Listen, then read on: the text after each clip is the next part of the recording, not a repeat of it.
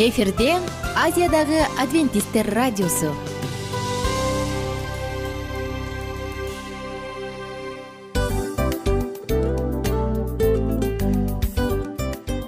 Достор салют. Баардык сүйүктүү угармандарыбызга салам айтабыз. Кутман күнүңүздөр менен. Ден соолук өмүрдүн булагы демекчи саламат саамы программасында баарыңыздарды көргөнүбүзгө абдан кубанычтабыз. Анда алгач амандашып өтөлү арбаңыздар деп. Ден соолугуңуздар кандай элибизде көбүнчө ден соолук кандай дегенде эле жакшы деп жооп беребиз э? ооруп турсак дагы жакшы дейбиз. Анан мен муну айтып ойлойт элем бул абдан сонун сөз депчи анткени бул жакшы деген үмүт да э ооба баары жакшы болот баары сонун. Деп үмүттөнүп атып эле өзүбүздү өзүбүз дарылап коебуз. Анысы кандай? Сиздин дагы ден соолугуңуз жакшы беш деген үмүттөбүз чындыгында ден соолук бул өмүрдүн булагы деп бекеринен айтылган эмес деп ойлойм. Кыргыз элинде анткени эгерде ден соолук жок болсо анда адамдын жашоосунда калган баардык керектүү маңыздуу нерселер өзүнүн баалуулугун жоготуп коет. Ошондуктан ден соолук бул эң керектүү нерсе. Ооба туура айтасың кесиптешим. Чынында ден соолугуң жок бир эки үч күн ооруп калсаң эле э кандай болуп калат? Жашоодо көз каранды болуп каласың көп нерсеге жетишпей каласың көп нерсени кыла албай каласың жада калса эшикке дүкөнгө да чыга албай каласың. Туптуура анан ден соолук болсо демек биз биздин бактыбыз тоодой деп койсок болот. Анда достор саламат саамы рубрикабызды баштайлы. Алдыда өзүңүзгө керектүү болгон сонун кеңештерди уга аласыздар. Мына ошондуктан биз менен бирге болуңуздар. Ал эми биз болсо милан жана айнура. Кеттик алга. Алга саламат саама ден соолуктун жарчысы. Саламат саама ден соолуктун ачкычы. Күн сайын сиз үчүн мыкты кеңештер сонун жаңылыктар кызыктуу фактылар. Биздин рубрикада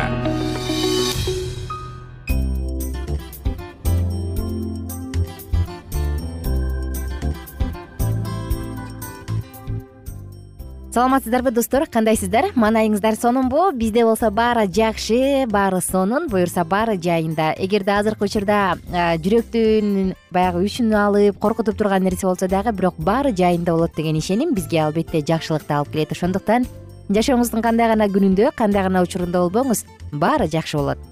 Биз болсо саламат саама рубрикасын баштадык. Жана бүгүнкү темабыз аял затынын жыныстык органына кам көрүүдө табигый каражаттар деп аталат. Кандай табигый каражаттар органга жакшы кам көрө алат? Деги эле эмнени колдонуш керек эмнени колдонбош керек? Мына булардын баардыгы тең алдыда сиздер үчүн. Саламат саама рубрикасында биз саламаттуу дене деп аталган циклды дагы да улантып атабыз. Ошондуктан бул цикл дагы сизге сиздин жеке жашооңузга чоң таасир алып тийгизет чоң пайда алып келет деген ишенимдемин аял затында негизи көп көйгөйлөр болот э аял затында менструалдык айыз келет ал төрөйт ал төрөйттөн кийинки учурда болот. Кээде тилекке каршы бойдон бүтүп калат кимдир бирөө аборт жасатат айтор аял затынын жыныстык органы эң чоң коркунучтарга кептелүүчү учур. Мына ошондуктан ал жакка туура кам көрүү албетте бул биздин жакшы жана сымбат сапаттуу жашап өтүшүбүзгө дагы жардам берет. Туура тамактануу эгерде биз дары чөптөрдү пайдаланып туура тамактансак ванна жана массаж булардын баардыгы аял затынын жакшы саламаттуу жашашына шарт түзөт.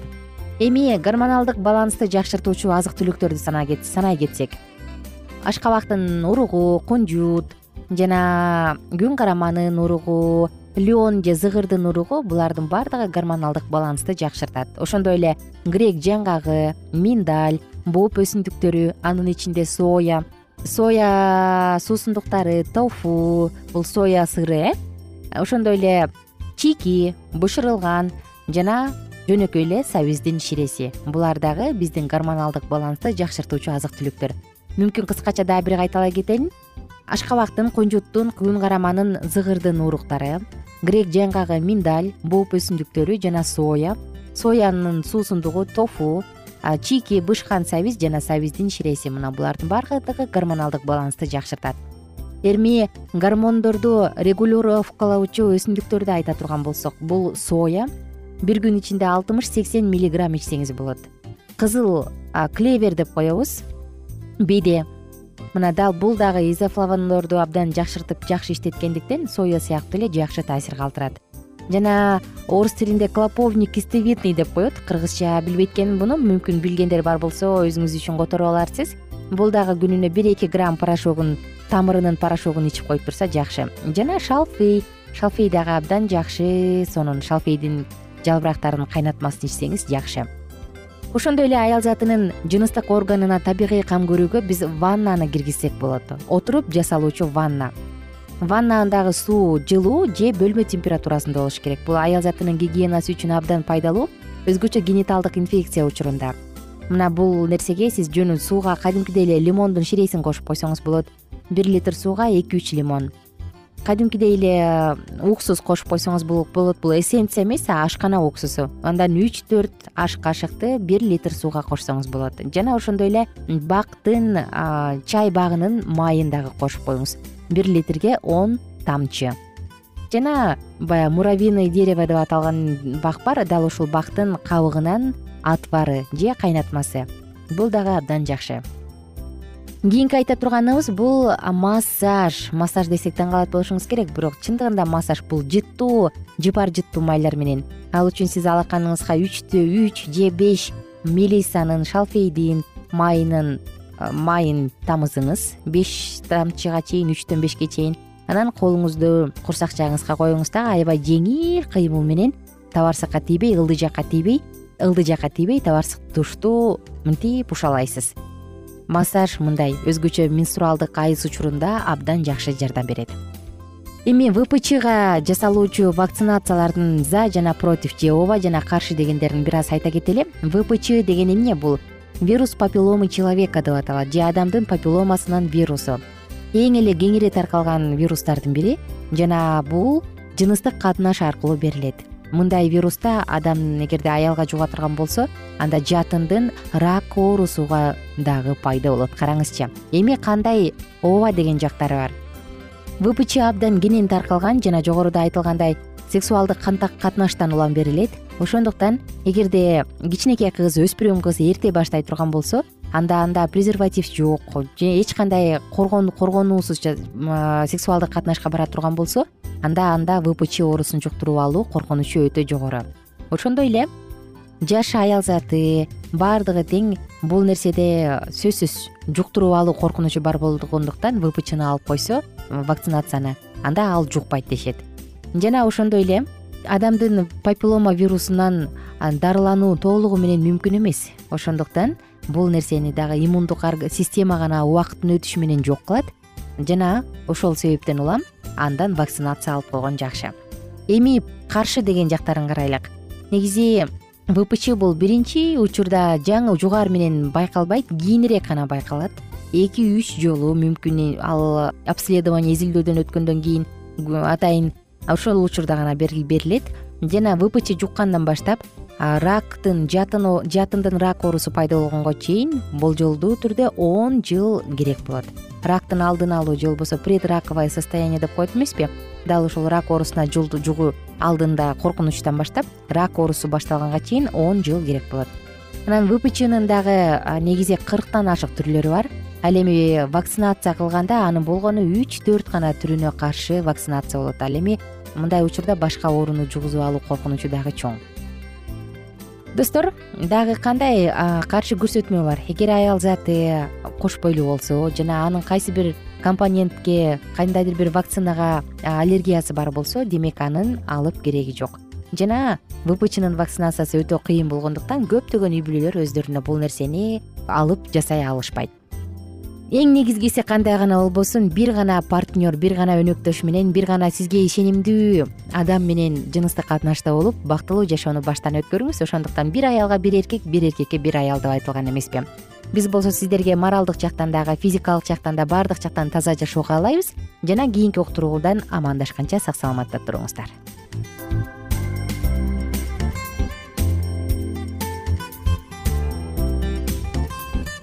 кененирээк маалыматтар үчүн үч w чекит саламат чекит клуб сайтына келип таанышыңыздар. Жана андан тышкары социалдык тармактарда youtube facebook жана instagram баракчаларына катталыңыз. Саламат саама ден соолуктун жарчысы. Саламат саама ден соолуктун ачкычы. Күн сайын сиз үчүн мыкты кеңештер сонун жаңылыктар кызыктуу фактылар. Биздин рубрикада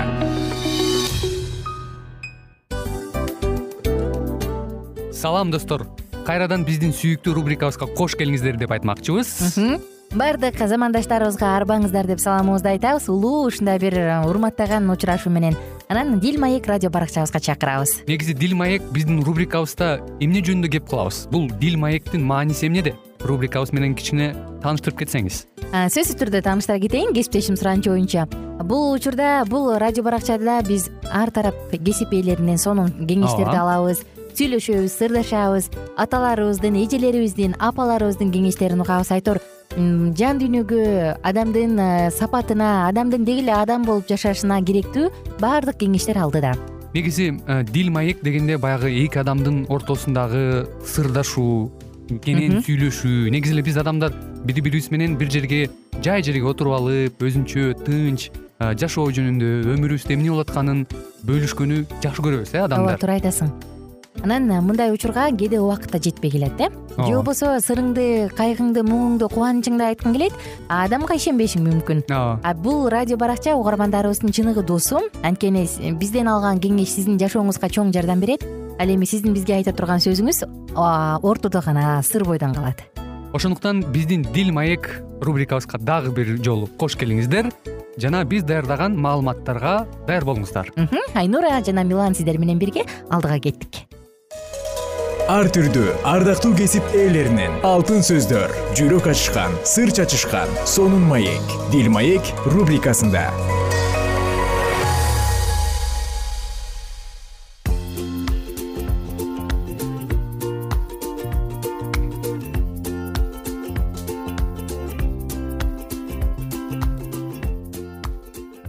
саламатсыздарбы достор? Кандайсыздар угармандар? Жалпыңыздар менен амандашып биз бактылуу үй бүлө деп аталган кичинекей сегментибизди улантабыз. Бүгүн сиздер менен дил маек радио уктуруусунда үй бүлөбүзгө арналган сонун уктуруулар сонун маалыматтар булардын баардыгы бир гана сиздер үчүн болмокчу. Үй бүлөнүн таралышы деген под тема бүгүнкү анан албетте үй бүлө кантип жаралган? Деги эле үй бүлөнүн башаты кайда? Дегенге биз сонун суроолорубузга жоопторубузду ала алабыз биздин ата бабалар жашаган эдем багын алар үчүн кудай өзү даярдаган ага адамга керектүүнүн баардыгын жайгаштырып кудай айткан. Адамды биздин түрүбүзгө окшоштуруп биздин сапатыбызга окшотуп жараталы деп. Бул башталыш китебинде жазылган мүмкүн сиз тоорот китебин окуган болсоңуз эң биринчи эле китеп бул башталыш китеби. Мына ушул жерде дал ушундай маалыматтар айтылган экен. Кудай өзүнүн акыркы жана эң жакшы жаратылышына ыраазы болуп ушул жеткилең дүйнөдө жеткилең жашоочу болуусун каалаган. Бирок жараткан адамдын жалгыз жашоосун каалаган эмес. Жараткан кудай ага мындай деген. Адамга жалгыз жашоо жакшы эмес ага ылайык жардамчысын жараталы деген. Кудай өзү адамга өзүнө жарашыктуу өзүнө дос боло ала турган анын сүйүүсүнө жооп берип оюн тең бөлүшө ала турган өмүрлөш жарын берген. Опо адамдын кабыргасынан алынып жасалган бул анын үстүнөн бийлик кылуусуна жана үй бүлөдө башчы болуусуна же аңдын төмөн болуп баш ийип туруусу үчүн эмес бирок аны менен бирдей даражада болуп ал аны сүйүп жана коргочулоп туруу үчүн жаралган. Болочокто эркектин бир бөлүгү болуп сөөктөн сөөк денеден дене бири бирине болгон тыкыз байланышы алардын жумшак карым катнашын өөрчүтүп ал анын экинчи мени болгон эле караңыздарчы. Андыктан адам өз атасын өз энесин калтырып аялы менен кошулат экөө бир дене болот. Мына дал ушундай сонун сөздөр ушул башталыш китебинде жазылган.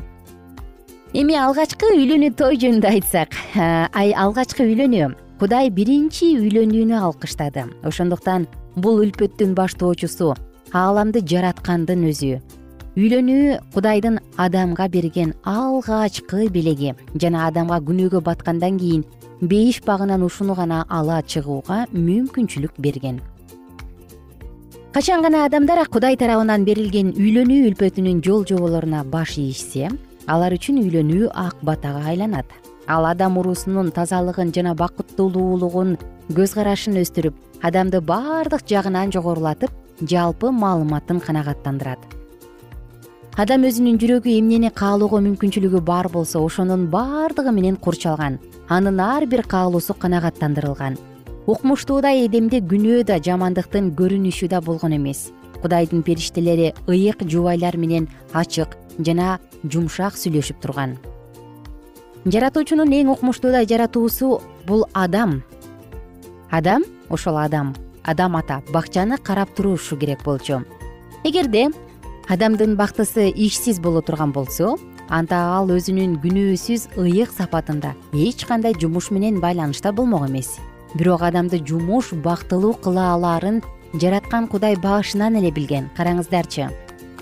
Биринчи орунда кудай. Адам жана обонун кудай менен сүйлөшүп жүргөн учурунда кайгыдан кабатыр эле. Алар аны өзүнүн мээримдүү атасындай билишип алардын эрке кудайдын эркине баардык жагынан шайкеш болуп турган. Кудайдын мүнөзү адамдын мүнөзүндө чагылдырып турган. Кудайдын даңкы ар кандай жаратылышта көргөзүлүп турчу ким? Кудайды өз бүлөсүндө биринчи орунга коюп өз балдарын аны сүйүүгө үйрөтсө кудайдын периштелердин жана адамдардын алдында даңкташат дейт. Дүйнөгө жакшы уюштурулган тартиптүү үй бүлөнү көргүзө алышат. Мындай үй бүлөдө ыйса бөлөк бөтөн болбойт эң жогорку башкаруучусу кудай өзү болгон. Балдарын ыйык жазууларды өзүнүн жаратуучусун сыйлоого үйрөткөн үйдө периштелер ар дайым болууга кубанышат. Адамдарды бактылуу кыла ала турган бир гана ыйсанын алар менен болуусу караңызчы.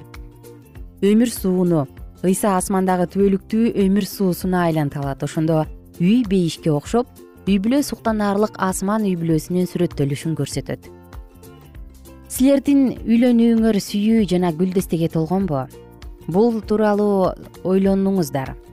Алдыда суроолор жаңырат. Силердин чын ниеттен чыккан жообуңар гана үй бүлөлүк жагдайыңардын туура ишке ашышын чагылдыра алат. Анда эмесе кеттик. Сиздин жубайыңыз сиздин эң жакын досуңуз болобу. Сиздердин сүйлөшкөнүңөргө тоскоолдуктар барбы?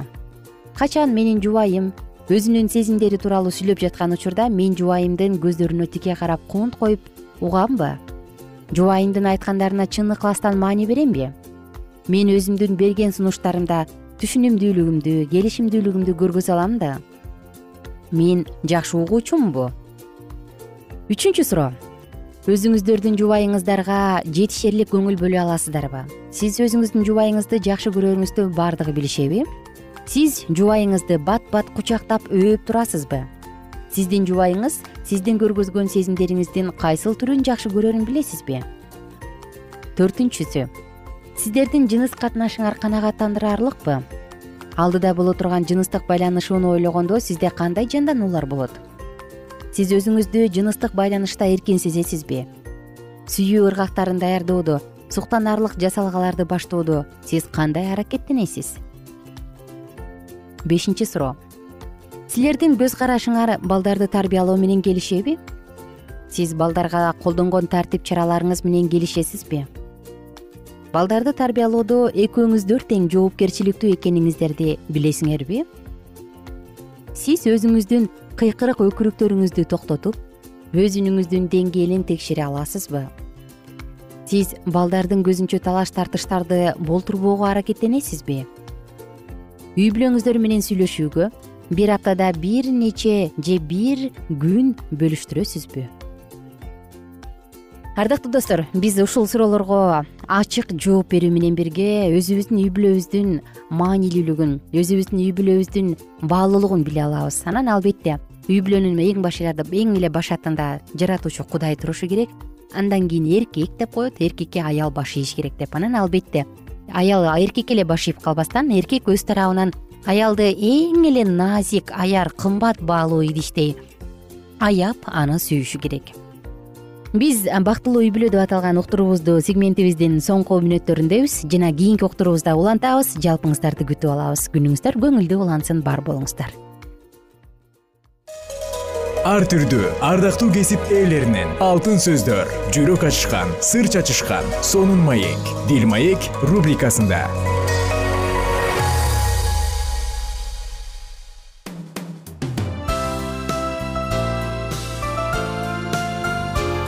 эфирде азиядагы адвентисттер радиосу.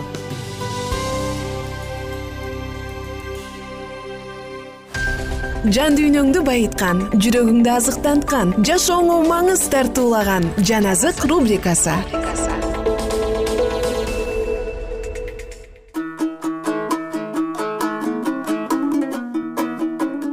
кутман күнүңүздөр менен достор жалпы угармандарыбыз менен саламдашып биз сиздер менен бирге жан азык уктуруусун баштадык. Жана бүгүнкү күндө дагы марк жазган жакшы кабар китебин окууну улантабыз. Биз менен бирге болуңуздар. Марк жазган жакшы кабар он экинчи бөлүм он үчүнчү аяттан ары уланталы. Алар ыйсаны сөзүнөн кармаш үчүн бир нече фарисейди жана ироддун бир нече кишисин жөнөтүштү. Алар ыйсага келип устат сенин адилеттүү экениң бизге белгилүү. Эч кимге жагынбайсың бет карамалык кылбайсың.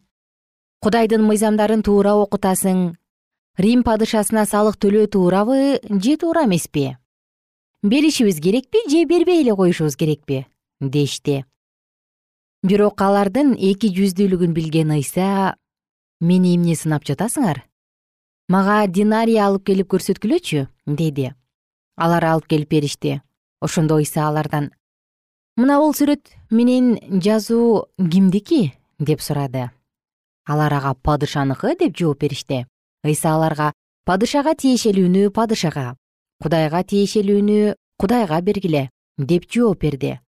Ошондо алар ыйсага аябай таң калышты.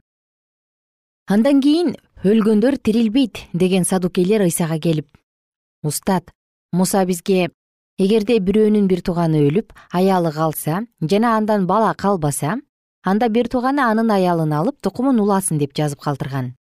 Жети бир тууган бар эле. Биринчиси аял алып артынан тукум калтырбай көз жумду анан ал аялды экинчиси алды. Ал да дүйнөдөн баласыз өтүп кетти үчүнчүсү да ошондой болду. Ал аялды жетөө тең алышты бирок бала калтырышкан жок. Акырында аял да өлдү. Тирилүү келгенде өлгөндөр тирилгенден кийин ал аял булардын кимисинин аялы болот. Анткени аны жетөө тең аялдыкы алган деп сурашты. Ошондо ыйса аларга мындай деп жооп берди. Силер ыйык жазууну жана кудайдын күчүн билбегендиктен жаңылып жатасыңар өлгөндөр тирилгенден кийин аял алуу күйөөгө тийүү деген болбойт. Алар асмандагы периштелердей болуп калышат. Өлгөндөрдүн тирилери жөнүндө айта турган болсок мусанын китебиндеги жалындаган бадал жөнүндөгү аңгемеде кудайдын мусага мен ыбрайымдын ыскактын жакыптын кудайымын дегенин окуган жок белеңер кудай өлгөндөрдүн эмес тирүүлөрдүн кудайы демек силер өлгөндөр тирилбейт деп катуу жаңылып жатасыңар. Алардын талашын жана ыйсанын аларга жакшы жооп бергенин уккан бир мыйзам окутуучу анын жанына келип эң биринчи осуят кайсы деп сурады. Ыйса ага мындай деп жооп берди. Эң биринчи осуят бул. Кулак сал ысрайыл биздин кудай теңирибиз жалгыз теңир. Кудай теңириңди чын жүрөгүң менен бүт жан дилиң менен бүт түшүнүгүң менен жана бардык күч кубатың менен сүй. Биринчи осуят ушул. Экинчиси ошого окшош. Өзүңдү кандай сүйсөң жакыныңды да ошондой сүй. Булардан башка улуу осуят жок. Мыйзам окутуучу ыйсага туура айтасың устат кудай бирөө андан башка кудай жок. Аны чын жүрөгүң менен бүт акылың менен бүт жан дилиң менен бардык күч кубатың менен сүйүү. Жана өзүңдү кандай сүйсөң жакыныңды да ошондой сүйүү. Бардык бүтүндөй өрттөлүүчү курмандыктардан жана башка курмандыктардан да артык деди. Ыйса анын туура жооп бергенин көрүп ага сен кудайдын падышачылыгынан алыс эмессиң деди. Ушундан кийин эч ким ага суроо берүүгө батынган жок. Ыйса ибадатканада элди окутуп жатканда мындай деди мыйзам окутуучулар машаякты дөөттүн уулу деп эмненин негизинде айтып жүрүшөт. Анткени дөөт өзү ыйык рухтун жетеги менен теңир менин теңириме мындай деди. Мен сенин душмандарыңды бут алдыңа жыкканга чейин менин оң жагыма отур деген. Демек дөөт өзү машаякты теңирим деп атаган болсо анан кантип ал дөөттүн уулу болсун ошондо көп эл аны берилүү менен укту. Анан ыйса элди мындай деп окутту узун кийим кийип жүрүүнү. Элдик жыйындарда алек алууну синагогада алдыңкы орундарда. Тойлордо болсо төрдө отурууну жакшы көргөн мыйзам окутуучулардан сак болгула.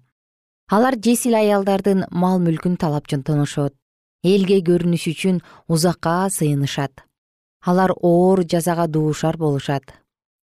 Ыйса курмандыктар салына турган кутунун маңдайында элдин акча салганын карап отурду.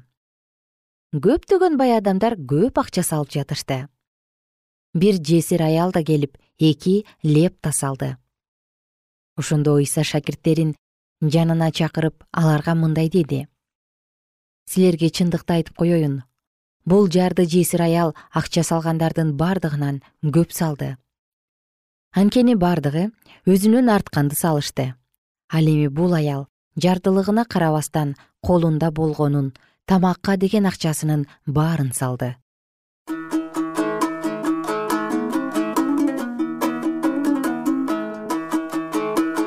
Кымбаттуу достор кымбаттуу угармандар биз сиздер менен бүгүн дагы марк жазган жакшы кабардан сонун сөздөрдү окуп өттүк чындыгында адам көбүнчө адамдардын көз алдында кадыр барктуу болгонду каалайт э. Жакшы кийинип урмат сыйлуу орундарга отуруп кадырлуу адам болгусу келет эмеспи. А бирок андай адамдардын баардыгы эле жараткандын алдында дагы ошондой деп айтуу туура эмес. Же болбосо тескерисинче сыртынан жупуну кийинген жөнөкөй жүргөн адамдардын баардыгы эле чындыгында жөнөкөй же өтө басмырланган адамдар эмес. Тескерисинче алар жараткандын алдында бийик адамдар болушу мүмкүн мына ошондуктан биз сиздер менен коштошуп жатып эмне дейбиз достор? Эң эле эң эле маанилүүсү ар бирибизге жаратканыбыздын көзү түз болсун. Анткени жараткандын көзү түз болсо анын батасы үздү болсо бизге эч нерсе коркунуч жаратпайт. А мен болсо сиздер менен коштошом жана кийинки уктуруудан кайрадан амандашканча сак саламатта туруңуздар. Күнүңүздөр көңүлдүү улансын. Бар болуңуздар бай болуңуздар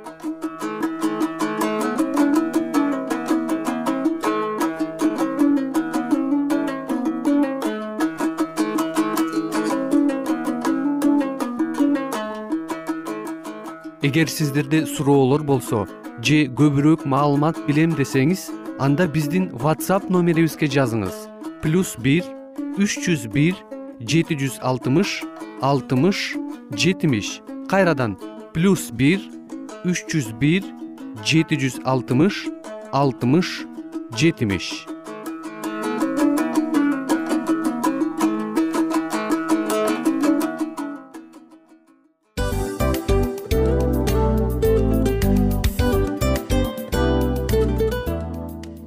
достор биздин радио баракчаларыбыз соңуна келди. Демек бул программабызды дагы жыйынтыктачу учур келдик. Учурга келдик. Анан кесиптешимден сурагым келип турат. Негизи эле иштин башталып атканы кубандырабы сени же жыйынтыгы кубандырабы?